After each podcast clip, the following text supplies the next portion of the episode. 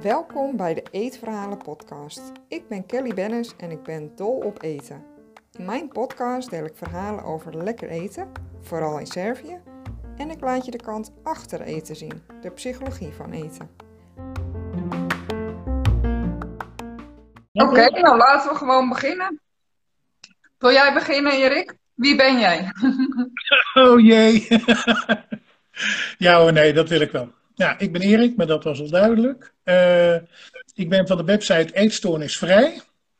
En die website die ben ik begonnen omdat er eigenlijk uh, niet veel was uh, op één website waar je alles kon vinden van instellingen, klinieken, diëtisten, coaches, ervaringsdeskundigen en wat is meer zij. Dus dat ben ik, denk ik nu vijf jaar geleden ben ik dat begonnen.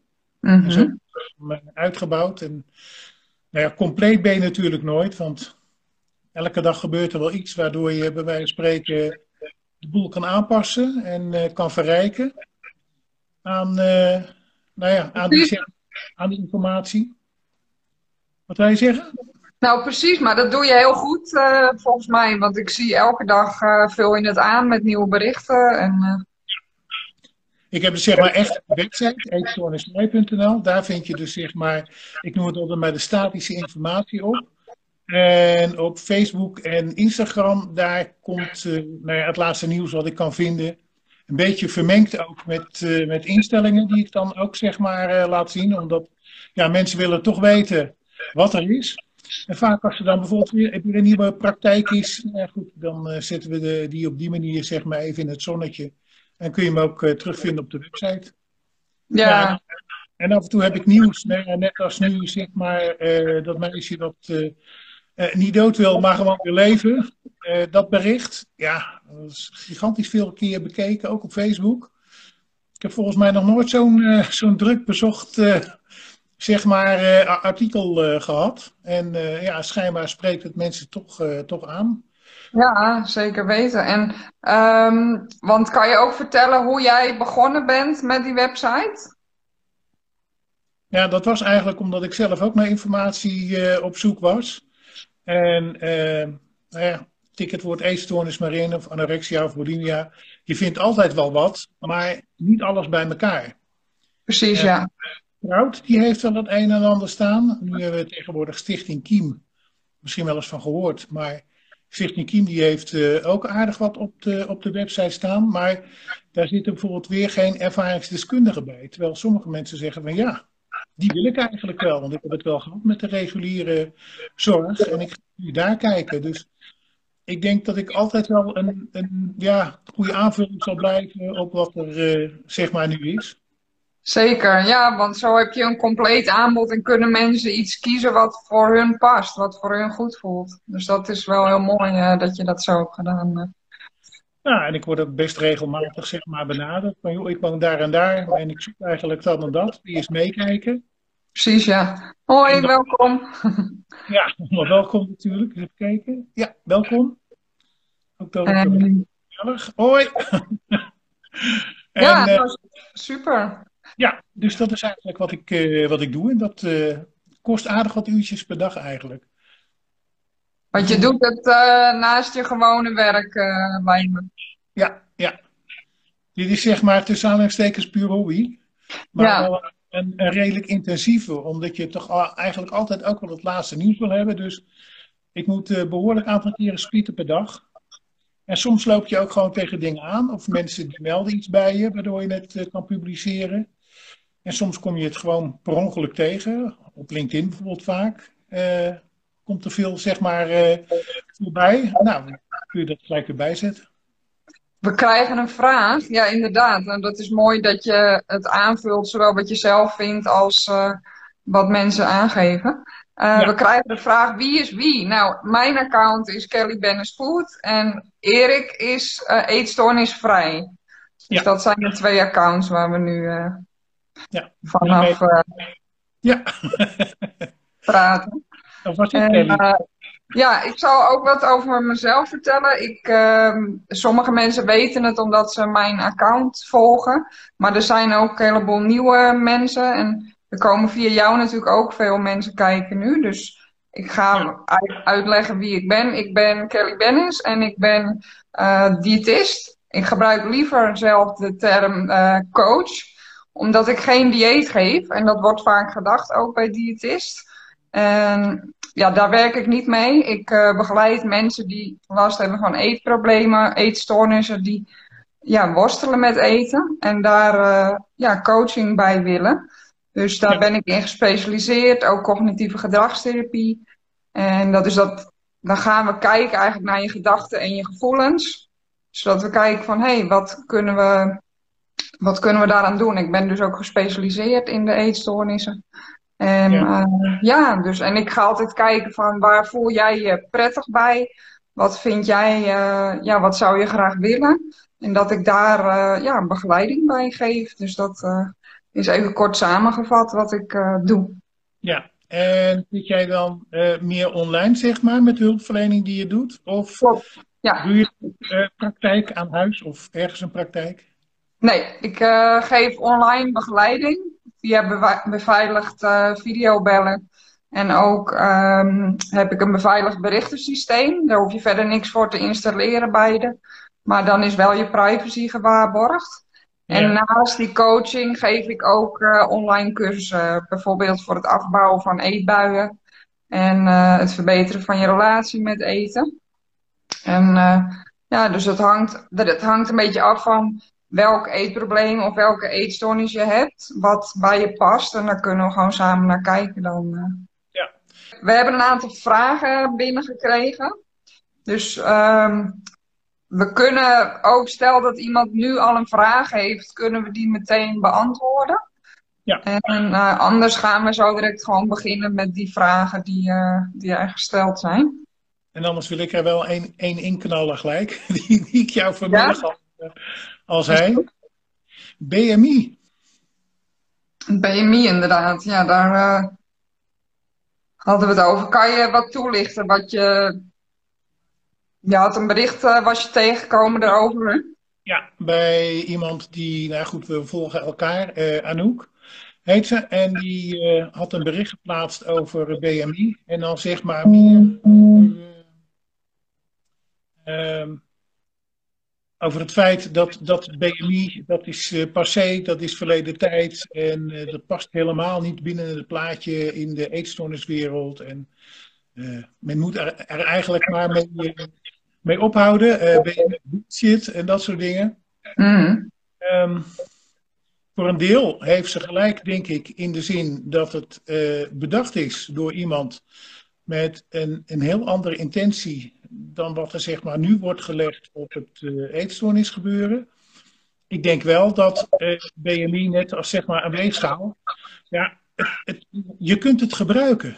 Ik zie het zeg maar, hè, uh, wat men kan doen om iemand van eetstoornis af te helpen, dat is een grote gereedschapskist met alles wat je in kunt zetten. En bij de ene cliënt zet je dit of dat in. En bij de andere weer totaal iets anders. Omdat het of de sterk past of wat dan ook. En, en je moet niet, denk ik, BMI zien als een soort van heilige graal. Van, nee. nou, als jij BMI dit of dat hebt, dan. Het, het, het is net, denk ik, als een als weegschaal. Je weet ongeveer wat iemand weegt. Nou, en daarbinnen, daar kun je dingen gaan doen. Precies, ja. Ja, dat ben ik met je eens. Want uh, voor de ene persoon zal het ook helemaal niet passen om het überhaupt over het gewicht te hebben. Hè, omdat het kan zijn dat iemand ja, heel erg geobsedeerd is met wegen bijvoorbeeld.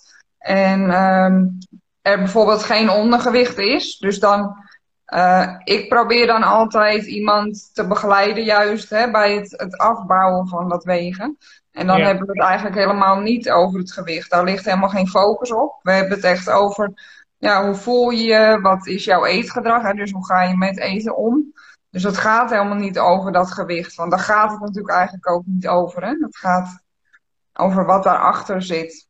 Ja, ja maar ja. Een eetstoornis is een, is een uiting van hetgeen eraan ten grondslag ligt. En dat is het ook. En wat het dan klein of groot is, dat, dat maakt dan eigenlijk niet uit. Ik zag nog een vraag voorbij komen. Ik weet of je, niet of jij die ook hebt gezien. Nee, ik ga heel even kijken. Maar de vraag die luidde, en die mag jij denk ik wel beantwoorden. Uh, hoe kan ik het S-stemmetje tot zwijgen brengen? Even kijken. Ik ga heel even kijken of ik hem ook zie. Oh ja. Hoe kan ik dat eetstoornis stemmetje tot zwijgen brengen? Ja. ja. Zal ik eerst wat zeggen? Ja, ja. goed. Ja, ik, ik denk voor een deel dat, zeg maar, dat het toch een, een, eh, een stuk afleiding zoeken is. Daarmee maak je het niet ongedaan, maar je kunt zeg maar dat instrument, al heb je het er weer over een instrument, afleiding, om dat zeg maar eh, toch, eh, toch in te zetten. En ja, dat F-stemmetje, dat, dat geeft eigenlijk zeg maar iets aan wat, niet waar is. Die zegt van, hè, of ga meer eten, of ga minder eten, of ga eten, of doe het niet. Ehm, en dat is eigenlijk zeg maar een stem die, die jou probeert van, uh, letterlijk van het padje af te, af te brengen. Uh, nou, deels dus door die afleiding, maar ook door zeg maar uh, als een soort van mantra in jezelf op te nemen dat rommelen met eten gaat zeg maar die achterliggende problematiek niet oplossen. En dat heeft het ooit gedaan en dat gaat het ook niet doen. Dus in, in die zin zeg maar echt een hele vervelende stem. Die, die jou probeert op, nou ja, noem het maar, het slechte pad te brengen. Ja, en, en wat voor degene die deze vraag stelt, die is zich er al van bewust dat het de eetstoornis is, hè, de stem. Want er zijn ook veel mensen die zich er misschien nog niet van bewust zijn. Die denken van, hé, hey, dat is dat ik dat zelf denk. Die zien nog niet dat dat de eetstoornis is die tegen, ja, tegen je praat eigenlijk. En um, nou, wat jij, wat jij zei, hè, kan je doen. Afleiding kan natuurlijk helpen. Maar wat ook bij kan helpen is ja, dat, je, dat je hulp zoekt daarbij bij iemand die gespecialiseerd is in eetstoornissen. Omdat je dan ook uitleg kan krijgen van oké, uh, waarom hoor ik dat soort dingen? Hè? Dat, dat, dat is de eetstoornis die tegen je praat. Maar dan kan je ook kennis krijgen hoe je die dingen eigenlijk kunt omdraaien. Je, want je krijgt die gedachten dan mee of, of die stemmen. Uh, maar dan kan je uitleg krijgen hoe je die stem eigenlijk tegen kunt gaan. Dat jij beter weet, dat je sterker bent dan de eetstoornis. En dat helpt, die educatie eigenlijk. Hè? Dus dat je begrijpt, oké, okay, uh, ja, dit klopt niet. En dat je gaat leren van wat klopt dan wel, hoe, hoe zit het wel. Ja, eh, om een voorbeeld te geven, de eetstoornis zal zeggen: je, je doet het slecht, je verdient het niet om te eten, dus uh, je moet stoppen met eten, bijvoorbeeld. Ja. En als je je realiseert: oké, maar dat is de eetstoornis die wil dat het slecht met mij gaat, dat ik niet eet. Oké, maar ik wil goed voor mezelf zorgen, dus ik ga wel eten. Ja, ja, dat kan helpen, dat soort dingen. Dat je eigenlijk die stem die je dan hoort, dat je dat kan gaan, uh, ja, kan gaan weerleggen. Ja. Dat gaat stapje voor stapje natuurlijk. Uh. Ja, dat gaat niet van de een op de andere dag. Uh, en, en ja, ook belangrijk is denk ik dat voeding is toch gewoon zeg maar, het is een, het is een basisbehoefte. Het, je hebt het nodig om goed ja. te kunnen functioneren. Inderdaad, ja. Dus ik komt langs, geen vraag, wel een klein berichtje. Toppers, bedankt. Heel graag gedaan. Melissa, even kijken? Ja, ja Leuk. Um, ja, want jij had nog uh, vragen en onderwerpen liggen, dus uh, ja, klopt. Um, ik kreeg de vraag. Uh, ik was benieuwd, kan een instelling, GGZ, je verplichten je ouders dingen te vertellen als je boven de 18 jaar bent? Ja, daar hebben we aardig mee lopen spitten met die vraag, toch? Ja, nou, we waren eigenlijk uitgegaan wat we zelf dachten. Hè? En, en we hebben het even gecheckt, inderdaad, of we daar wat bij konden vinden. Um, want wij gingen ervan uit, hè, 18 jaar en ouder, dan, dan heb je, ben je volwassen. Dus dan heb je, je, hebben je ouders geen inzicht in jouw dossier. Zowel medisch als bij, uh, als bij jeugdhulp. Ja. Uh, maar ja, jeugdhulp is natuurlijk onder de 18. Ja. Uh, dus je dossier daar. Maar het blijkt al vanaf 16 jaar te zijn dat je toestemming moet geven. Willen jouw ouders dat in kunnen zien? Dus, um, en dat begint maar... afhankelijk op jongere leeftijd, eigenlijk al zo'n beetje vanaf zeg maar 10, 12 jaar. Maar dan meer in de zin dat er zeg maar naar uh, het kind, zeg maar, uh, zeker wordt geluisterd en dat die mening ook wordt, uh, wordt meegenomen. Ja. En dat kan zijn op het gebied van GGZ hè, of ziekenhuis, huisarts, maar bijvoorbeeld ook in de rechtbank.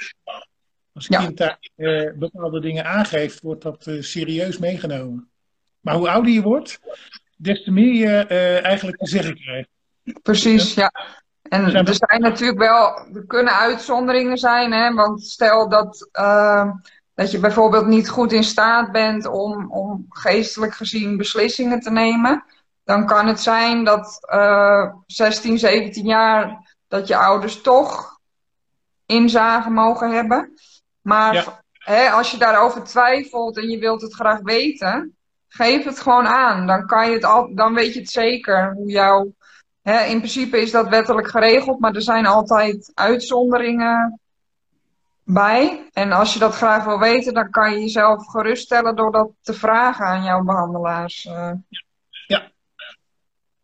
Dus dan, uh, dan weet je het zeker. Ja. Oké. Okay. De volgende vraag. Hoe ga je om met gevoelens die moeilijk zijn en daar en dat je daardoor minder goed kunt eten.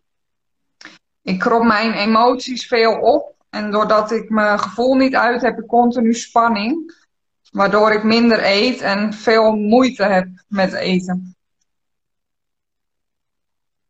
Wil jij beginnen, Erik? Uh, ja, ja. Want we hadden het al eventjes over deze vraag gehad, hè? Klopt. Uh, ja, wat, wat maar toch belangrijk is, en die, die stap moet je soms ook zelf zetten, of hij moet gezien worden, uh, dat je je zeg maar toch gaat uiten. En uh, ja, als je zeg maar een beetje geluk hebt, dan heb je iemand in je omgeving die ziet, hey, hier klopt iets niet. Ik ga gewoon eens even echt met jou zitten en, uh, en praten. dat is natuurlijk mooi. En anders, ja, kies bijvoorbeeld een, uh, een, een dierbare. Hè? Dat kan familie zijn, dat kan een hele goede vriend of vriendin zijn. Uh, en ga daar toch mee praten. Want praten, het uiten, dat is toch zeg maar een, een hele goede start om, om er op die manier goed mee om te leren gaan. Zeker. Ja, en jij zei ook je gevoelens reguleren, hè? leren reguleren eigenlijk stap voor stap. Ja. En dat hangt natuurlijk ook helemaal vanaf dat is ook weer persoonlijk, zoals met alles. Hè, hoe, hoe diep zit jij in je gevoelens? Hoe heftig is dat? Um, hè, en als je het idee hebt van ja, ik kom er met, met je omgeving is altijd heel goed om daar steun bij te zoeken. Ja. Uh, want ja, dat is eigenlijk een extra vangnet. Uh, dan kan je je verhaal kwijt en, en dan hoef je er niet alleen mee te dealen. Maar het kan heel goed zijn dat dat op een gegeven moment ja, niet genoeg is. En um, die gevoelens, die, ja, dat is dan fijn om het daar bijvoorbeeld met een psycholoog over te hebben. Of een therapeut. Ja. Um, want hè, je geeft ook aan, uh, of degene die deze vraag stelde, geeft aan van door die gevoelens kan ik minder goed eten. Uh, een reden daarvan kan zijn dat de emoties die je voelt, de gevoelens, dat die je zo ontzettend claimen, dat, ja. je, dat je hongergevoel eigenlijk weg is, de, de prikkel van eten. Ja. Uh, dus dat kan zijn. Het kan natuurlijk ook zijn dat de eetstoornis zo erg tegen je praat dat, dat je daardoor moeilijk kunt eten. Hè? Dat kunnen natuurlijk ook die gevoelens zijn. Ja. Uh, het kan ook zo zijn dat als je bijvoorbeeld heel lang al jaren bijvoorbeeld niet eet of uh, restricties hebt of last hebt van je eetstoornis of dat je um, heel lang aan het diëten bent, bijvoorbeeld al jarenlang, dat dan ook dat hongergevoel uh, ja, niet aanwezig is of minder. Ja. Dus het kan meerdere oorzaken hebben. En inderdaad, dus het praten over je gevoelens, zowel met jouw omgeving, bij iemand waar je je prettig bij voelt, en ook uh, ja, een psycholoog, want die kan jou helpen hoe je weer om moet gaan met die gevoelens eigenlijk. En dat het ja, steeds minder invloed zal hebben op jouw eten eigenlijk. Ja, ja. en wat ook kan helpen, Hè, als je zeg maar wil praten en er is niet direct zeg maar, familie en dergelijke in de buurt. Uh, je hebt best wel wat aardig online mogelijkheden. Uh, bijvoorbeeld Human Concur die heeft een, een forum waar je zeg maar naartoe kunt. Uh, dat heeft Proud heeft dat ook. En er ja, proud, proud, to be me. Ja. Die geven ook heel vaak lives op Instagram, dat je even je verhaal kwijt kunt. Er zitten ook ervaringsdeskundigen, er wordt ook een chat gegeven. Ja. En ook nou, wij hebben ook regelmatig lives. Je mag ons ook altijd een berichtje sturen als je even wilt praten over hoe je je voelt. Ja, wie weet helpt het je. Dat, uh, je bent altijd van harte welkom. Dus. En ook inloophuizen, hè, ook vaak uh, uh, of chatsessies, of dat je er ook gewoon uh, zeg maar echt heen kunt. bij jou zeg maar redelijk in de buurt Medemblik, er zit wat in Haarlem, in Zevenhuizen, in Rotterdam, in Beerselo, maar dat is weer aan de andere kant van het land. Ook in Stanoa. En dat staat ook denk ik op jouw website, een overzicht? Ja, ja. Ja uh, tegenwoordig ook, uh, dat is van Isabelle Plasmeijer uh, van Isapower, heb je de website Stop met Wachten. die heb je misschien wel een keer gezien. Waarin, nee, maar nou, dat... Dan, dan moet je inderdaad gaan kijken. Daar staan de inloophuizen ook benoemd. En op die site kun je, hebben ze op dinsdag en donderdag even uit mijn hoofd. dan hebben ze ook sessies via uh, uh, hoe heet dat nou, YouTube. Ja. dan kun je ook vragen stellen en dergelijke. Dus, uh, ja. ja, er zijn eigenlijk, want ehm, dat was iets ook wat ik me afvroeg. Hè? Wie weet zijn er nu mensen die deze vraag horen of, of achteraf. Maar ik ben wel benieuwd eigenlijk van als je met eten worstelt of met een eetstoornis, of je goed hulp weet te vinden. Of dat dat eigenlijk, uh, ja, dat je dat heel moeilijk vindt. Hè? Het kan natuurlijk ook zijn dat je het moeilijk vindt om hulp te vragen. Maar in eerste instantie heeft het je moeite gekost om hulp te vinden. Want ik denk dat er eigenlijk best wel buiten de klinieken om. Want hè, er zijn natuurlijk hele lange wachtlijsten ook. En dat is echt super naar als je daar heel lang op moet wachten. Ja. Maar er zijn zeker wel heel veel alternatieven om dat uh, over, te overbruggen, die tijd bijvoorbeeld. Uh, ik bied dat ook aan dat je bij mij terecht kunt. Uh, ja, om, hè, stel dat je hebt besloten, ik ga in behandeling, maar je moet toch nog heel lang wachten. Dat je, ja, dan kan je bijvoorbeeld bij mij terecht uh, in die tussentijd om uh, toch niet alleen te zijn met je, met je eetstoornis eigenlijk. Ja, wat ik van de week was ik even zeg maar in, in gesprek, in discussie met Britte Waard. ja? Nou, die, die, die ken je waarschijnlijk uh, ja. Brittebaard.be. En die, uh, ja, toen hadden we het ook over wachttijden en al dat soort gedoe. En nou blijkt schijnbaar dat zeg maar, het uh, universitaire ziekenhuis in Maastricht, dat die geen wachttijden hebben. Daar kan je bij wijze van spreken uh, je intake doen en meteen in het bed plaatsnemen, om het even zo te stellen. Dus er zijn best nog wel uh, mogelijkheden om heel snel zeg maar, aan de beurt uh, te zijn. Dus dat is maar dat is echt een opname dat je intern uh, bent? Ja, ja. En misschien ook wel gewoon polyklinisch. Maar ja, stel dat je in Groningen woont, dan heb je er niet heel veel aan. Nee, precies. Wordt wat lastig, ja. Maar stel dat je toch zeg maar in de regio Zuid zit, is, is dat wel weer interessant om te weten. Zeker. Nou, fijn dat je het even zegt, want wie weet uh, heeft iemand daar wat aan. Ja. Goed om te weten, ja. Zijn er op dit moment vragen van iemand die aanwezig is? Ja. Hebben jullie een vraag over eten, uh, waar je mee worstelt, een eetprobleem, een eetstoornis? Een vraag over voeding. ja. mag alles vragen. En het mag ook altijd achteraf, want ik uh, heb ook wel. Er waren wat mensen die aanwezig wilden zijn, maar die konden net niet. Dus uh, die zien het misschien achteraf. Dus je kan altijd een berichtje sturen met je vraag.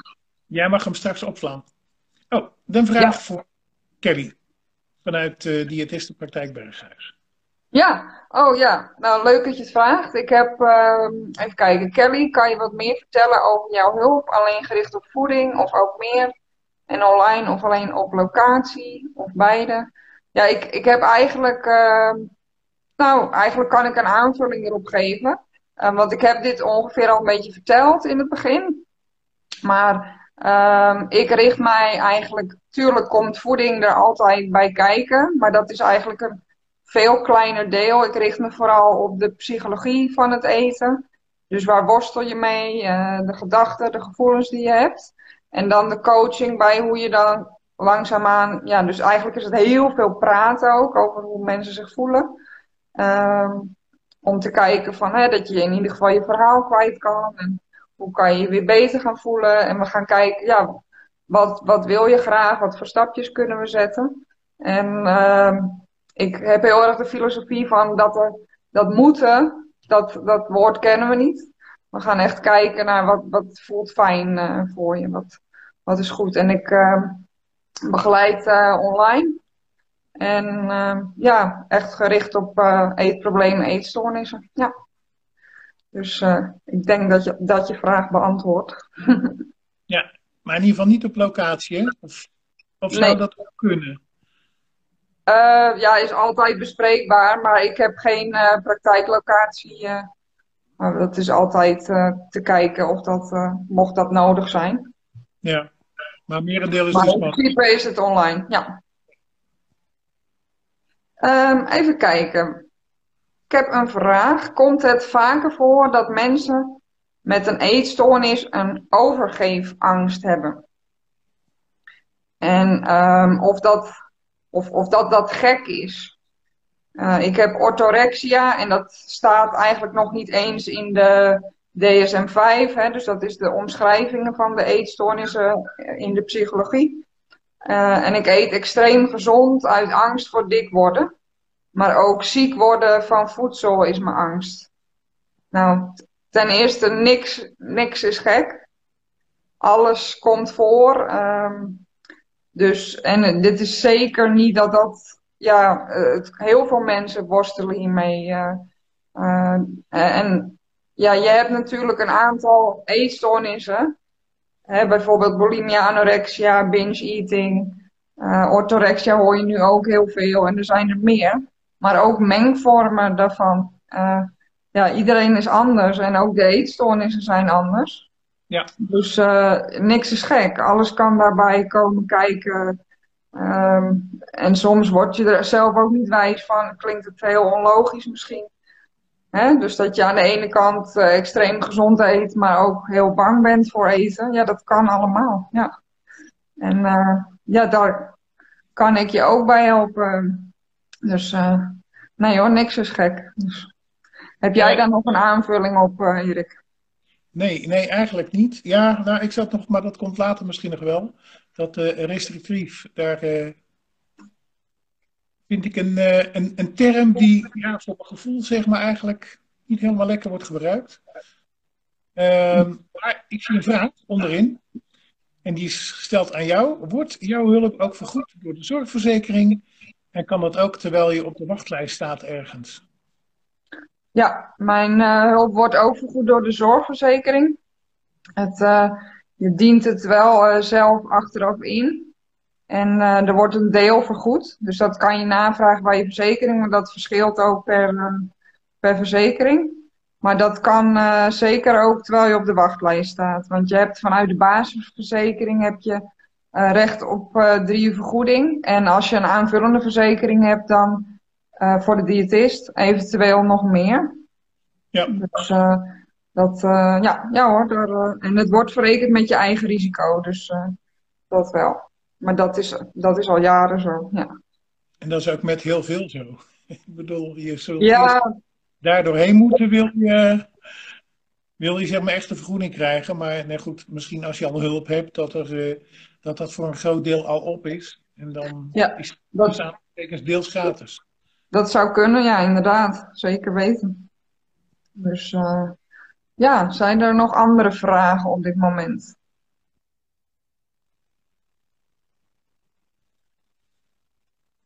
En anders kom ik op de lijn.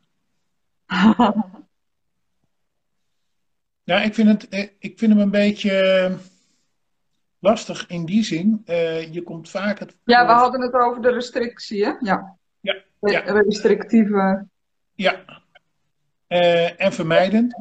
Bij Arvid, daar is dat heel duidelijk bij. En daar wordt het ook genoemd. Dat het een restrictieve en vermijdende ehm, stoornis is. Er stond niet bij eetstoornis, maar voeding. Ja, dat was het. Het is een voedingsstoornis.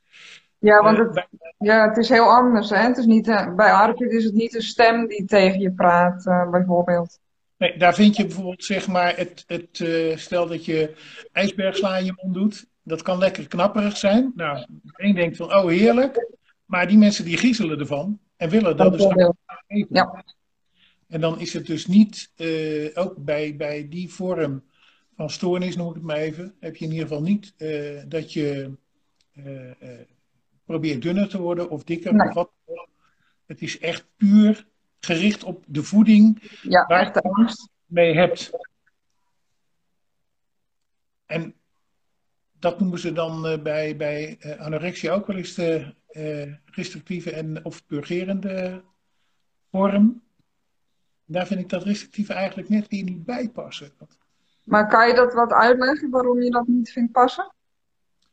Nou, ik, ik vind zoals de omschrijving, zeg maar, uh, ja, ik heb, ik heb nu even niks bij me, dus ik kan het er niet bij pakken. Maar zeg maar, bij Arvid vind ik het dus zeg maar echt, echt bijpassen, dat woord. En ook de betekenis die, er, uh, die erbij zit. Mm dat, dat gebeurt over de hele linie wel. Vermijden om te willen eten. Hè? Uh, alhoewel bij Arvid natuurlijk wel zo is dat het echt puur om de voeding gaat. En bij bijvoorbeeld anorexia is het uh, meer van ik, ik wil dus niet eten. En dan heeft het niet zozeer met de voeding zelf te maken, maar dan trek nee. je helemaal door eigenlijk. Dus Precies, maar, maar jij, jij vindt dan restrictief niet helemaal kloppen, omdat het bijvoorbeeld bij Arvid ook genoemd wordt, maar het zijn allebei eigenlijk hele andere. Ja, ja. Een heel ander systeem. Bij, bij Arvid is het echt de angst voor eten. Is er geen, geen stem die tegen je praat. Nee, en bij anorexia gaat het om iets anders, maar is restrictie een kenmerk. Maar dat is meer om het probleem wat erachter zit. Uh. Ja, ja. Nou, misschien moeten ze daar nog eens wat mee. Om het wat, uh, ook voor de mensen weer wat duidelijker te maken, denk ik. Maar... Ja, nou ja, het blijft natuurlijk altijd. Uh, daarom wordt dat natuurlijk ook, is het recent ook aangepast natuurlijk, die omschrijvingen. Ja. En uh, er, er komt natuurlijk steeds meer bij. Uh, dus ja, dat blijft zich ontwikkelen natuurlijk, die omschrijving. Dat, dat ja. is ook lastig als je in een hokje wordt gestopt, zeg maar. Ja. Met, met dat soort dingen. En je kan je er niet altijd in herkennen natuurlijk.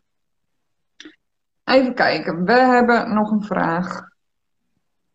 Hoe moet je ermee omgaan als de eetstoornis weer een inhaalslag maakt? Ik heb weer meer dingen op mijn verboden lijst. En hoe ben ik lief voor mezelf en hard voor de eetstoornis?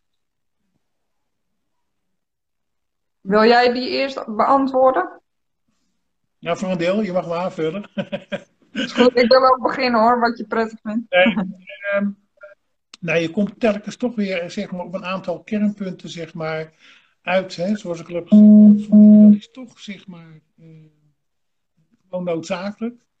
Uh, de eetstoornis probeert je dingen aan te praten die nou ja, gewoon eigenlijk zeg maar onzin zijn. Helpt je niet bij het oplossen van, uh, van problematiek waar je mee borstelt. Het is dus zeg maar in die zin een, uh, een fout wat je eigenlijk toepast. Je zou het uh, natuurlijk met hulp kunnen proberen om te buigen naar iets anders. Iets, iets wat zeg maar wat minder invloed heeft en wat minder effect heeft op, op je lichaam. Want een eetstoornis is nu eenmaal erg verwoestend. Kan me dat nog wel herinneren, maar dat was echt van een fors aantal jaren geleden. En als ik het zeg, dan kennen waarschijnlijk de meesten, die kennen haar niet. Maar Shamila de Roo, heeft een boek geschreven, Spiegelbeeld. En uh, tegen mij vertelde ze wel eens dat, uh, nou, ze hield in ieder geval erg van uh, ballet en dansen en dergelijke.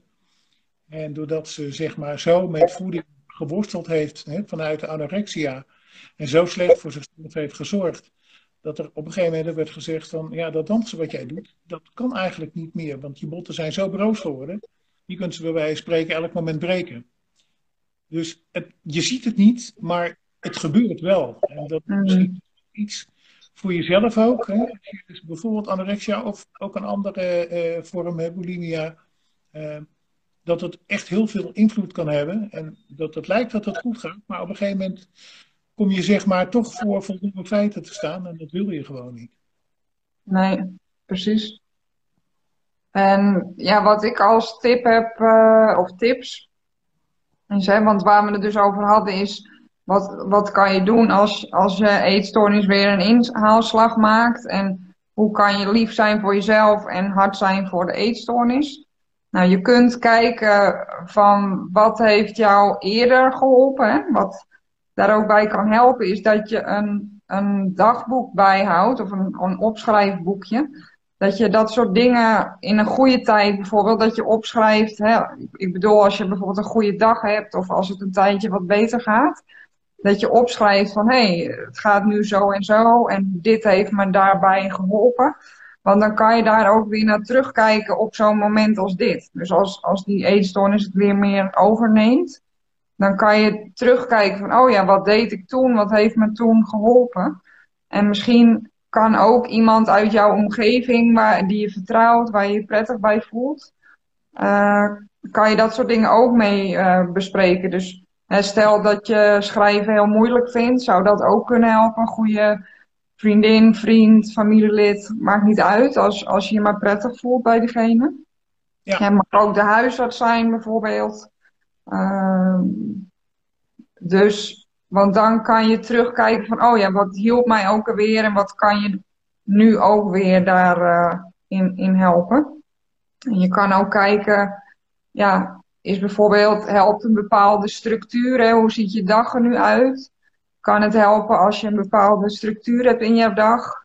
En dan kan je ook kijken van waar voel ik me prettig bij? Wat, ja. wat zou ik kunnen doen? Uh, wat, wat, hè, want je gaf ook aan van hè, heel goed van hoe kan ik lief zijn voor mezelf. Dus ga eens kijken van misschien wel kan je herinneren voor je eetstoornis of op goede dagen van wat vind je leuk om te doen. Hè, wat voor uh, hobby's zeg maar heb je. Nou is toch weer een afleiding hè? Ja, ja maar ook, ook de, de blijdschap in jezelf naar boven halen. Van, van wat, wat maakt jou vrolijk? Wat vind je leuk om te doen? Wat zijn je interesses? Dat uh, kan zeker wel helpen daarbij. Ja. En uh, ja, je kan ook gaan kijken van wat kan jou helpen om, om sterker te worden bij je eetstoornis. En dat kan, of sterker te worden dan je eetstoornis. Dat kan zowel zijn uit het verleden, dingen die je hebt, uh, uh, al hebt geleerd. Of dat je dus uh, hulp zoekt en dat iemand je daarbij begeleidt. dus, hè, want dan kun je kijken samen van waar loop je tegenaan. En ja, hoe kun je dat eigenlijk aanpakken zodat je je beter gaat voelen. Zodat je sterker wordt tegen de eetstoornis. Ja. En hulp mag? Zeker, hulp mag altijd, ja. Ja. Daar heb ik ook een podcast over opgenomen. Want ik merk wel dat uh, ik heb een podcast, de Eetverhalen podcast. En daar vertel ik heel veel in ook over als je worstelt met eten, met heel veel tips. En, um, want heel veel mensen vinden het ook moeilijk om hulp te zoeken. Die denken, nou, het is zo erg niet. Of een ander kan beter hulp gebruiken. Een beetje uh, En dat, uh, maar ja. iedereen hulp. Hoe klein of hoe groot het ook is, want het is belangrijk. Dus klop bij jou aan. Ja, zeker. Je bent van harte welkom. Je mag altijd uh, vrijblijvend even een berichtje sturen. Ik denk graag met je mee en uh, je vraag stellen of gewoon even je verhaal kwijt. Uh, ja. Ik help heel graag. Dus, welkom, Kimberly. Ja. ja, zijn er vragen op dit moment?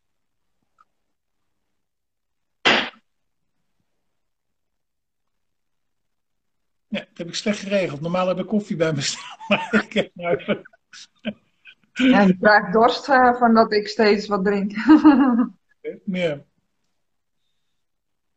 En anders, als je nog een vraag hebt, dan uh, mag je hem uh, Nee, ik heb, dit waren de vragen die vooraf ingezonden waren. Nou, misschien kan ik dan nog wel wat, wat vertellen over zorgverzekeringen. Um, het is in ieder geval belangrijk als je het natuurlijk ook kunt veroorloven, want het, het kan in prijs gewoon echt verschrikkelijk schelen waar je je kunt zeg maar de ditso's nemen en die zijn dan uh, zelfs geloof ik tot onder de 100 euro. Daar moet je toch behoorlijk mee, mee uitkijken. Want dan is het vanaf 89 euro, maar dan heb je wel 750 euro eigen risico. En als je dat geld niet hebt liggen, dan wordt het toch zeg maar een lastig verhaal. Dus dan kun je toch beter zeg maar een, uh, uh, een verzekering nemen waar in ieder geval het eigen risico niet zo, zo groot is. Dat is in ieder geval belangrijk. en het houdt niet op, zeg maar, bij 1 januari en je kunt weer een zorgverzekering kiezen. Want iedereen die de leeftijd van 18 jaar bereikt, en dat gebeurt gewoon het hele jaar door, het gebeurt, niet iedereen is op 1 januari jarig, uh, die moet aan de zorgverzekering. Dus uh, ga goed kijken, die vergelijkingssites ook mee. Uh, om zeg maar jouw situatie daar toch een beetje op te leggen. Dat moet niet helemaal exact, denk ik, want dan ga je heel erg focussen op iets en dan krijg je daarna wat anders en dan ben je toch zeg maar weer wat minder verzekerd. Um, maar bekijk het zeg maar goed. Er zijn mensen die smeren bij Human Concern. Nou, daar heb je maar een paar verzekeringen eh, van die dat vergoeden. Dus dan moet je ook zorgen dat je bij zo'n ziektekostenverzekering zit. En um, nou ja, zeg maar de, de, de verzekeringen die bieden zorg in natura. Uh, klinkt ook heel aardig. Hè, dan ben je inderdaad verzekerd, maar in theorie zou het zo kunnen voorkomen. Stel je krijgt een gebroken been en hun hebben alleen maar het ziekenhuis in Enschede gecontracteerd, dan moet je dus daarheen. Uh, ja. en, en, dan kun je wel zeggen, dan neem ik een ziekenhuis dichtbij. Dat kan ook, maar dan heb je kans, net als bij psychologen, dat ze maar een deel vergoeden daar hebben ze zeg maar gewoon standaarden voor. Hè? Bijvoorbeeld een psycholoog, die vergoeden ze helemaal. Als die is aangesloten bij die zorgverzekering. Maar is die dat niet, uh, dan krijg je zeg maar een soort van wettelijk deel uitbetaald. Wat is afgesproken. Uh, wat daar zeg maar voor betaald mag worden. En dat kan wel eens 65% zijn. En dan zit je nog steeds met dat resterende deel wat je zelf moet betalen. Dus... Ja, want je had het vooral over, ook over de de, als je zeg maar, opgenomen wordt, hè, of als je voor een behandeling gaat bij een kliniek, zeg maar. Dat het eh, speciaal in dat geval is het eigenlijk belangrijk om naar te kijken. Het is, het is goed te kijken, uh, goed om te kijken, zeg maar, van uh, hè, als je al in een bepaalde situatie zit en je weet bijvoorbeeld dat er een opname uh, misschien kan gaan volgen, of anderszins hulp, kijk gewoon na bij die verzekeraar hè, die je zou willen kiezen, of dat er ook bij zit, of die hulp ook vergoed wordt. Daar zie je echt heel veel mensen zeg maar, tegenaan lopen. Dat ze een verzekering hebben die, uh, die zeg maar, uh, een aantal niet aangesloten uh, psychologen en praktijken heeft. Waarbij je daar wel daar naartoe willen. Maar ja, als ze niet aangesloten zitten, dan kan het zijn dat je of helemaal niks krijgt. Is, is het wel iets, maar het dekt niet maar, de kosten die je gaat maken. Nee, en jij had ook al aangegeven dat een behandeling bij een kliniek echt heel duur is, hè? Ja, als je zeg maar bijvoorbeeld Human Concern neemt, hè, dat is zeg maar een uh, specialistische GGZ die wat afwijkt van alle andere GGZ's met eigen beleid en een eigen visie. dat wordt dus niet altijd vergoed. En daar vragen ze soms een borg van 15.000 euro om te zorgen dat ze hun, zeg maar, zeker weten eh, dat, eh, dat de kosten, zeg maar, ook naar hun toe vergoed worden. Hm. Betaald worden, moet ik eigenlijk Ja, dat, uh, dat kunnen de meeste mensen niet ophoesten, natuurlijk. Nee, en daarom, daarom. Daarom is het gewoon echt goed om te kijken van, nou, welke, ja. welke verzekering neem ik? en ja, soms moet je ook even kijken naar het aanvullende pakket. Of er dingen bij zitten die jij ook nodig zou kunnen hebben. Mm. Het is geen leuke klus, wat daarop houden. Je kunt je tijd beter besteden, maar uh, het is denk ik zeg maar wel heel erg belangrijk. En vergelijk het met een autoverzekering. Uh, je kunt WA doen. als jij wat veroorzaakt, dan wordt het zeg maar vergoed. Maar als je zelf wat, wat doet, of er is bijvoorbeeld ruitschade, ja, en het zit er niet bij, dan gaat het aardig in de papieren lopen. En zo zou je dit ook een beetje kunnen zien. Ja, kunnen vergelijken inderdaad. Ja, ja dus, uh, maar probeer er ook niet, uh, het is meer een tip, zeg maar, van Erik. Ja. Je hoeft je er ook niet druk om te maken, maar meer dat je weet van oké, ik kan er eventjes op letten. Stel dat je denkt dat er een behandeling voor een kliniek aankomt, dat je daar uh, ja, dat je kan kijken. Ja. ja. En zijn er op dit moment nog vragen? Ik zie dat er wat andere mensen binnengekomen zijn. Welkom. Ja, inderdaad, allemaal welkom. Stel gerust je vraag. Anderen kunnen er ook uh, zeker wat aan hebben. Andere mensen die nu aanwezig zijn of die, uh, die het achteraf nog gaan kijken. Dus stel gerust je vraag. We beantwoorden hem graag.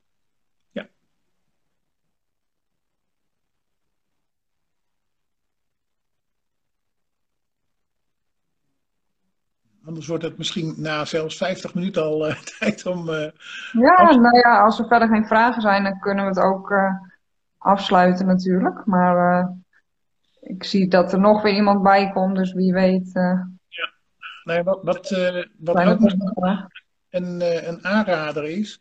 Kijk, bij een, zeg maar, een, als je naar een kliniek toe gaat, hè, stel dat je daar zeg maar geholpen wordt, dan zou je van die kliniek daar mag je wat van verwachten. Hè? In de zin van, je moet goede zorg krijgen en het liefst ook nog op zijn tops GGZ. Dat je zeg maar echt, echt, echt kwaliteit hebt.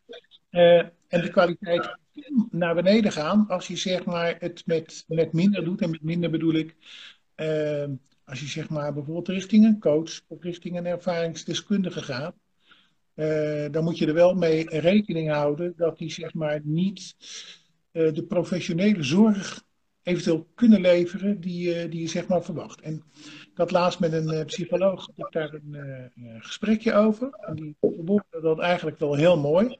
Kijk, er kunnen best hartstikke goede coaches zijn. Maar op het moment dat er zeg maar een noodsituatie ontstaat, dan wil je wel dat je op dat moment ook goed geholpen wordt. En uh, als dat niet gebeurt, dan kunnen daar hele vervelende situaties uit, uh, uit voortkomen. En zeker tegenwoordig online. Want dan zit je niet bij elkaar. Je kunt dus als mens niet echt ingrijpen. Dan moet je het proberen op uh, de digitale manier te doen. En dat is, vind ik, iets wat je in je, in je achterhoofd zou moeten houden. ja, weet, ook... weet, je waar je naar kan vragen? Want ehm, het hangt natuurlijk af van hè, wat je uh, hoe ernstig jouw eetprobleem of eetstoornis is. Ja. En uh, ja, soms heb je dan inderdaad de meeste aan een behandeling in een kliniek, omdat je dan heel veel uh, ja, disciplines, hè, dus mensen die gespecialiseerd zijn in een bepaald gebied, dus bijvoorbeeld psycholoog, diëtist en nog wat meer mensen die je daarbij kunnen ondersteunen. Ja. Um, en nou weet ik niet precies waar je mee, wie je bedoelt met een coach, hè, maar om een voorbeeld te geven hoe ik dat doe. En ik denk dat andere diëtisten bijvoorbeeld, die ook gespecialiseerd in eetstoornissen, dat ook doen. Maar goed dat je het aankaart, want dat is misschien goed om na te vragen. Uh, Want ik heb altijd ook uh, contact met, dat vraag ik altijd na of iemand daar toestemming voor geeft. Maar ik adviseer altijd om ook contact met de huisarts te hebben en met de psycholoog. Dus dat we sowieso eigenlijk met z'n drieën zijn. In ieder geval met de psycholoog. En stel dat uh, de eetstoornis bijvoorbeeld heel ernstig is, dat ook de huisarts daarbij betrokken is. Dus ja. we zijn sowieso met z'n drieën altijd dan. Ja, want ik zie her en der wel eens verschijnen dat mensen zeg maar uh, uh, iets moeten ondertekenen, waarbij zeg maar de verantwoordelijkheid alleen maar bij de cliënt ligt en degene die zeg maar zorg levert, coach, ervaringsdeskundige, dat die zeg maar van alle, van alles wordt gezuiverd en uh, niet aansprakelijk kan worden gesteld. En volgens mij werkt dat feestje niet zo. Dus dat zijn niet, vo niet volledig inderdaad. Uh, het is zo dat de cliënt is wel um, zelf verantwoordelijk, omdat daar altijd bij komt kijken wat diegene zeg maar zelf doet met het advies. Tenzij natuurlijk sprake is van grove opzet uh, van de behandelaar, zeg maar. Ja, ik zag, uh, en ik weet... Er komt nog een vraag inderdaad. En inderdaad, ik heb er al twee gesteld, maar dat maakt helemaal niet uit. Je mag er ook tien stellen of twintig. Dat mag altijd. Zeker. Uh, hoe je meer uitdagingen kan gaan. Ik zag laatst een, een mooie voorbij komen. en dat, dat was volgens mij via TikTok, dacht ik. En dat is iemand die dan zeg maar, in ieder geval ook anderen zeg maar helpt met, met eetstoornissen. Maar stel, je, je moet gaan ontbijten, uh, je vindt het lastig. Dan kun je zeg maar ala dit, hè, wat wij nu doen. Ja, en dat komen. Ja, en dat diegene er virtueel gewoon bij komt zitten. En dat hoeft nog niet eens met een coach of psycholoog of wat dan ook te zijn. Maar als jij gewoon een goede bekende hebt. Nou, nodig hem uit voor het ontbijt. en ga samen ontbijten. Dan ben je A, niet alleen. Je hebt wat afleiding. En zo kun je toch zeg maar die uitdagingen om net iets meer te eten, ja, kun je dat, uh, kun je dat doen. Ja, want degene die de vraag stelt, uh, kan je uitleggen, is dat inderdaad wat je bedoelt met uitdagingen? Is dat bijvoorbeeld meer uh, soorten eten, voedingsmiddelen toevoegen? Of, of bedoel je wat anders?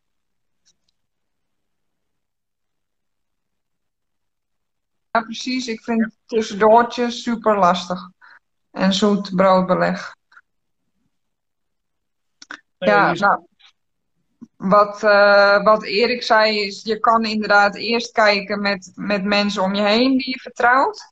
Um, en je kan misschien terugdenken hè, van hoe heb je dat eerder gedaan? Is er misschien iets, één dingetje wat, wat wel zou lukken? Als je het echt heel moeilijk vindt om dat zelf te doen, dan kan je er altijd hulp bij vragen natuurlijk. Je mag mij ook bijvoorbeeld even een berichtje sturen dat ik je even ja, op weg help. Uh, waar je zou kunnen beginnen. Om, je daar, om eventjes mee te denken ja. waar je tegenaan loopt. Even kijken, ik heb nog een vraag. Ze eet zeg maar veilige dingen. Dat is het enige wat werkt. Uh, maar er zit toch altijd zeg maar wel weer die, uh, die braakdrang bij. Ja, want heb je begeleiding daarbij? Dat is toch eigenlijk altijd wel belangrijk, uh, dat je in ieder geval wel een stuk begeleiding hebt. Ja, ja want dan kan je ook inzicht krijgen in hè, waar komt het vandaan. Um, ja, wat versta je onder veilige dingen? Ja, ze heeft een coach, oké. Okay. En heb je dit ook al met je coach besproken? En is dit eigenlijk altijd zo of heb je dit nu net uh, ja, sinds kort bijvoorbeeld? Dat het braken weer is begonnen bijvoorbeeld. Is, is het een tijdje weg geweest misschien? Die is leuk hè, die is live. Daar hou ik al van. We wachten rustig af. Ja, absoluut.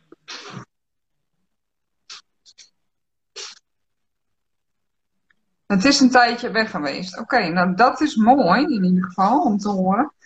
Um, en waar je naar zou kunnen kijken is, uh, zijn er bepaalde dingen veranderd? In, in, bijvoorbeeld in je dagelijks patroon? Of um, heb je misschien andere gedachten erbij? Hè?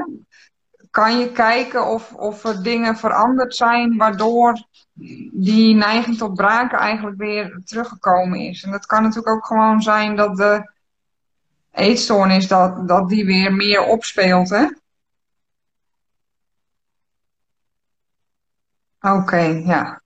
Ja, en, en trauma is natuurlijk iets wat uh, veel tijd kost, hè, om daarmee bezig te zijn. En die tijd mag je jezelf ook geven. Dat is ook nodig. En um, als je verder komt in dat proces van, van die trauma verwerken, dan kan dat ook uh, weer helpen om de eetstoornis natuurlijk beter onder controle te krijgen. Dus, maar ik kan me voorstellen dat het heel lastig is dat je daar nu ja, mee zit eigenlijk. Hè? Dat je merkt van hé, hey, het is een tijdje goed gegaan. En uh, nu komt dat braken weer mee kijken. Dat is natuurlijk helemaal niet fijn. Maar dat is iets wat natuurlijk wel ja, af en toe zal gebeuren, dat het soms weer even moeilijk is. Het is wel heel fijn om te horen dat je in ieder geval een coach hebt. Dat je aan het trauma werkt, want dan dan gaat dat ook weer komen dat dat weer, weer beter wordt.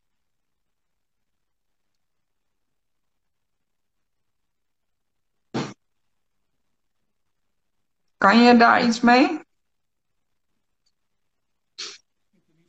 Uh, dat ze gewoon lekker aan de slag is ermee. Dat, dat is al goed. Ja, ze is in ieder geval heel goed mee bezig. Dus dat, dat is al heel goed om te horen. Ja. Laat maar weten of je hier, uh, hier wat mee kan. Ja. Dan gaan we eventjes door op de volgende vraag. Wie weet kan jij uh, beginnen met die te beantwoorden. Hoe kan je omgaan met eenzaamheid en, en verveling? Um, ja, het, het zeg maar toch, zeg maar, uh, als het niet naar jou toe gebeurt, toch zelf opzoeken. Hè? Dit is gewoon een enorme lastige tijd. Je kunt uh, s'avonds bijna niet meer naar buiten, in ieder geval tot negen uur. Dus we hebben nog 20 minuten, maar dan houdt het weer op. Uh, ja, probeer zeg maar toch het contact te hebben en te houden met vrienden en dierbaren. Dat zeg maar sowieso. Uh, en eventueel als je nog op een vereniging uh, zit, om zeg maar met die mensen bijvoorbeeld contact te hebben. en daarnaast kom je denk ik toch wel een beetje op het digitale terecht. En daar zijn ook de mogelijkheden voor. De inloophuizen, zoals ik ze al heb genoemd, daar kun je gebruik van maken. Uh, je kunt in ieder geval kijken naar de video's van Stop met Wachten. Daar wordt ook nog wel aardig wat relevante informatie in gegeven, waarmee je zeg maar daarmee wat kan. Ehm, ja, en die inloophuizen die organiseren toch nog wel wat.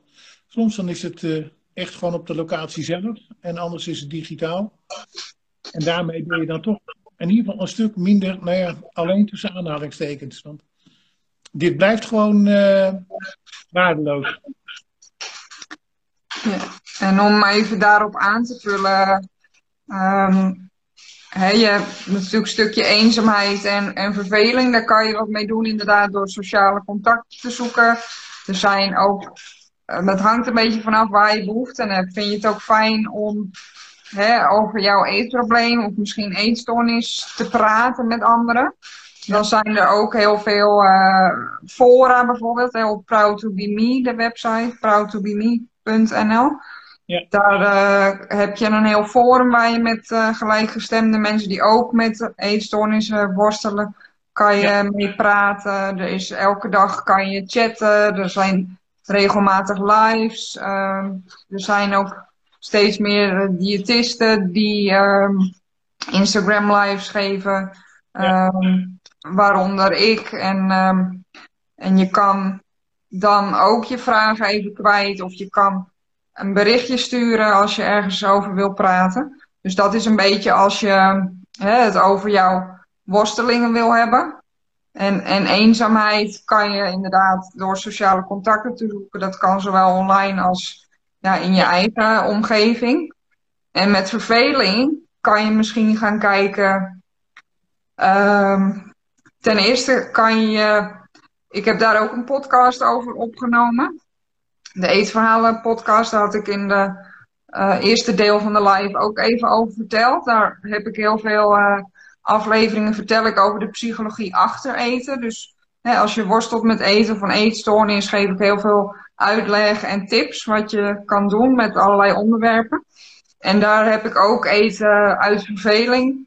Ik weet niet of je eet uit verveling, maar uh, ook het thema verveling uh, bespreek ik. Want je kan dat voor jezelf onderzoeken. Hè? Wat, wat zit daarachter, die verveling? Soms is het ook niet erg om je te vervelen, maar dat, dat ervaren we vaak wel zo. Hè? Dat het heel vervelend, akelig is, verveling. Maar misschien is het juist een mooie kans om te kijken van... hé, hey, wat heb ik eigenlijk altijd al willen doen? Iets. Misschien wil je wel een leuke cursus gaan volgen of een taal leren of muziekinstrument spelen. Of, hè, dat kan heel divers zijn. Of misschien zijn er nog klusjes, uh, ik zeg maar wat, fotoboeken maken. Of uh, misschien wil je creatief zijn, uh, schilderen, tekenen. Kan van alles zijn. Dus misschien is dat ook leuk uh, om te gaan doen. En ik zie nog een mooie tip voorbij komen van uh, Brit, Brit de Waard. Die zegt bellen met de hulplijn van Stichting Beet. Dat is ook een, uh, ja, een fijn iets om eventjes mee te praten en te sparren. Maar dan moet je dat volgens mij woensdag doen. Goeie tip. En is dat, uh, Brit, is dat, in, uh, is dat Nederlands of is dat uh, in België? Ja, weet is Nederlands. Oké. Okay. Maar, maar, Brit die doet ook mee aan de, aan de hulplijn. Dus, Leuk, dankjewel voor de tip. dat is fijn voor mensen om te weten. Ja. En als ik het goed heb, Brit, zit jij woensdag toch? Als men met jou bijvoorbeeld wil bellen. Het handen. Ja, oh ja, er komt nog een aanvulling uh, op de vraag die we hadden beantwoord. Dat ging over uh, ja, alleen veilige dingen eten, maar dan alsnog uh, de neiging tot braken. En ik had een aantal tips gegeven en Erik ook. En toen hadden we gevraagd van kan je daar wat mee? Ja, ik denk het wel. Alleen merk ik dat het heel erg mijn dag in beslag neemt. En dat, ik me heel, dat het me heel erg in de weg zit. En dat triggert ook mijn paniek en angst. Uh, nou, wat hier heel belangrijk in is, is om iemand te zoeken om het ermee over te hebben. Want ik merk dat je er heel erg mee zit. Uh, ja, en dat is ook voor te stellen dat, het, dat, het, ja, dat je je zo navoelt daardoor. En ja. dan kan het echt helpen om, om dat te delen met iemand. Hè? Dat je het niet alleen maar in je hoofd uh, hoeft te doen. En je kan het ook allemaal opschrijven. Dat helpt ook heel goed. Als schrijven iets voor jou is, kan je ja, eigenlijk alles opschrijven wat, je, wat er in je hoofd zit. Want dan haal je het uit je hoofd. Dan, dan gaat het niet meer rondcirkelen in je hoofd. Of in ieder geval minder. Dat kan zeker helpen. Um, en dan zou je dat ook bijvoorbeeld weer mee kunnen nemen naar je coach. Dat je daar gericht weer over kan hebben en wat dingen voor kunt bedenken, wat je dat tegen kunt, uh, kunt doen. Ja. Maar ik denk dat dat je voor nu heel erg zou kunnen helpen om, uh, ja, om, het, om er niet alleen mee rond te blijven lopen, maar dat je, dat je echt iemand zoekt die je ook uh, jou kan helpen op de momenten dat je niet bij je coach bent. Ja. En die hulp mag je echt vragen. Dat uh, gaat je echt helpen. En even van de hak op de tak springen, Brit. Die vult nog aan alle dagen van de week beschikbaar. En volgende week is er bij Weet ook nog een extra uur in de middag.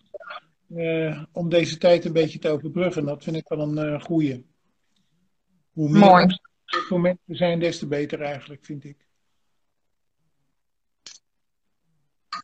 Mooi. Nou, goed om te horen. Ja. Zijn er nog andere vragen? En zo niet, dan gaan we stoppen. Dan ga ik koffie zetten. Eindelijk je koffie. ja, dat geeft niet. Kan elk moment. Maar... Heeft degene die nu binnenkomt misschien een vraag? Heel graag gedaan. En als je nog meer vragen hebt, uh, bent altijd van harte welkom. Ja, absoluut. Nou, super bedankt. Graag gedaan. Namens dus zou ik maar zeggen. En, uh... Ja. Jij ook slaap lekker. Inderdaad, ja. hoop houden. Dat is een mooie, mooie take-home message. ja, ja, absoluut. En geen uh, uitbehandeld, dat bestaat niet. Nee, ben ik helemaal met je eens. Dat bestaat alleen maar bij behandelaren die het ook niet meer weten. Mag, maar dat betekent niet dat je uh, elders niet uh, uitbehandeld bent. Want er zijn zoveel mogelijkheden. Zeker weten. Ah, je krijgt een keer koffie, uh, Erik. ja, leuk. Nee hoor, je mag me altijd vrijblijvend appen. Je bent van harte welkom om, om een berichtje te sturen. Mag altijd. Ja, en het kost geen geld, toch? Kost geen geld. Zodra het geld kost, dan zeg ik dat. Daar ben ik heel open over hoor. Gewoon een berichtje sturen. Ja. Als je vragen hebt, stel ze aan Kelly of stel ze aan mij. Meer op mijn uh, gebied ligt. En, en anders help ik je uh, zeg maar aan ja, de juiste persoon. Precies, ja.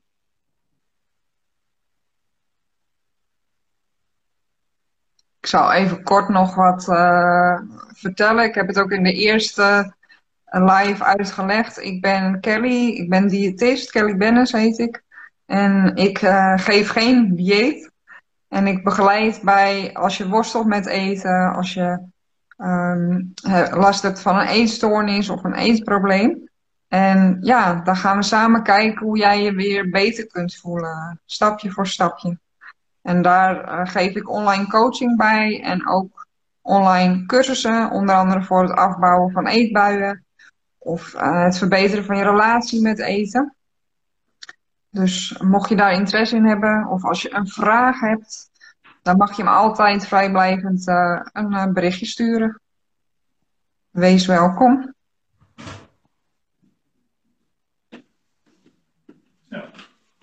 Heeft een van jullie nog een vraag? Want Erik heeft nu denk ik koffie gemaakt. Kijken? Ja. ja, kijk eens. Koffie en? Koek, lekker. Wat is het voor koekje? Jan Hagel of niet? Nee. Nee, nee die zijn niet rond. Die zijn rechthoekig. Nee, het lijkt wel een beetje zo'n uh, pompenblad uit Friesland. Maar dat hebben ze oh, ja, dan zie ik het. Met amandeltjes. Ja. En ik moet zeggen, die is erg lekker. Dus. Heerlijk, ik krijg er trek van. Ik heb geen uh, koekjes in de buurt. ik mail wel. Uh, ja, stuur hem op. Ik ga, ik ga morgen een cardamomcake bakken uit Zweden. Die is echt heel lekker. Oké. Okay. En hoe laat is die klaar? ja. Ik stuur wel een plakje op. Goed. Bedankt allemaal voor jullie aanwezigheid. Ja, en voor de reacties en voor de vragen. En uh, nou, zo, zo, zie je toch maar weer dat dit toch weer in een behoefte voorziet, hè? Ja, nou daar ben ik heel blij om. Dat uh, is een kleine moeite en het is leuk om al die vragen te beantwoorden en uh, daarmee te kunnen helpen. Ja. ja. Nou, ik denk dat we er een einde aan gaan breien, hè? Ja, dat denk ik ook. Nou, in ieder geval, iedereen dankjewel voor het kijken. En jij ook bedankt, Erik. Uh, hartstikke leuk uh, voor je aanwezigheid. En, uh, ja, gezellig. Ja, absoluut. En nou, jullie ook allemaal bedankt voor je vragen. Heb je nog vragen achteraf? Je bent van harte welkom om ze te stellen. Stuur gewoon een DM, een privébericht en dan beantwoord ik of Erik je, je vraag heel graag. Erik weet veel over hij heeft een hele mooie website waar eigenlijk heel compleet beeld staat van hulpverleners bij, bij eetstoornissen. En ook op zijn Instagram en Facebook account deelt hij alle ja, nieuwsberichten eigenlijk over, over eetstoornissen. Dus super mooi werk wat je doet. Uh, en gewoon in zijn vrije tijd. Ja. ja, dat begint meestal, uh, want ik ben altijd vrij vroeg wakker. Dus zodra ik wakker ben, uh, dan gaat het eerste bericht in ieder geval richting Instagram. Ja. Via Facebook heb ik het allemaal netjes uh, uh, ingesteld. Daar kan dat ook. Dan kun je er echt tijdslots aan geven wanneer iets komt. Dus je weet altijd wanneer ik wakker ben geworden. Ja, precies, ja. Lekker op tijd. Nou, heel fijn weekend alvast. En nou, tot de volgende keer weer. Ja, oké. Okay. Doei. Doei.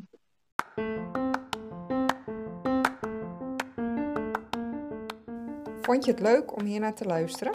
Of denk je dat het interessant is voor iemand anders? Deel mijn podcast, bijvoorbeeld met een screenshot op Instagram en een tag naar mijn account. Alvast super bedankt. Je kunt me bereiken via kellybennis.nl en daar vind je ook mijn social media kanalen. Heb je een vraag of een verzoek voor een bepaalde aflevering? Laat het me weten. Dat vind ik echt super leuk als jij ook je input geeft. Tot de volgende aflevering.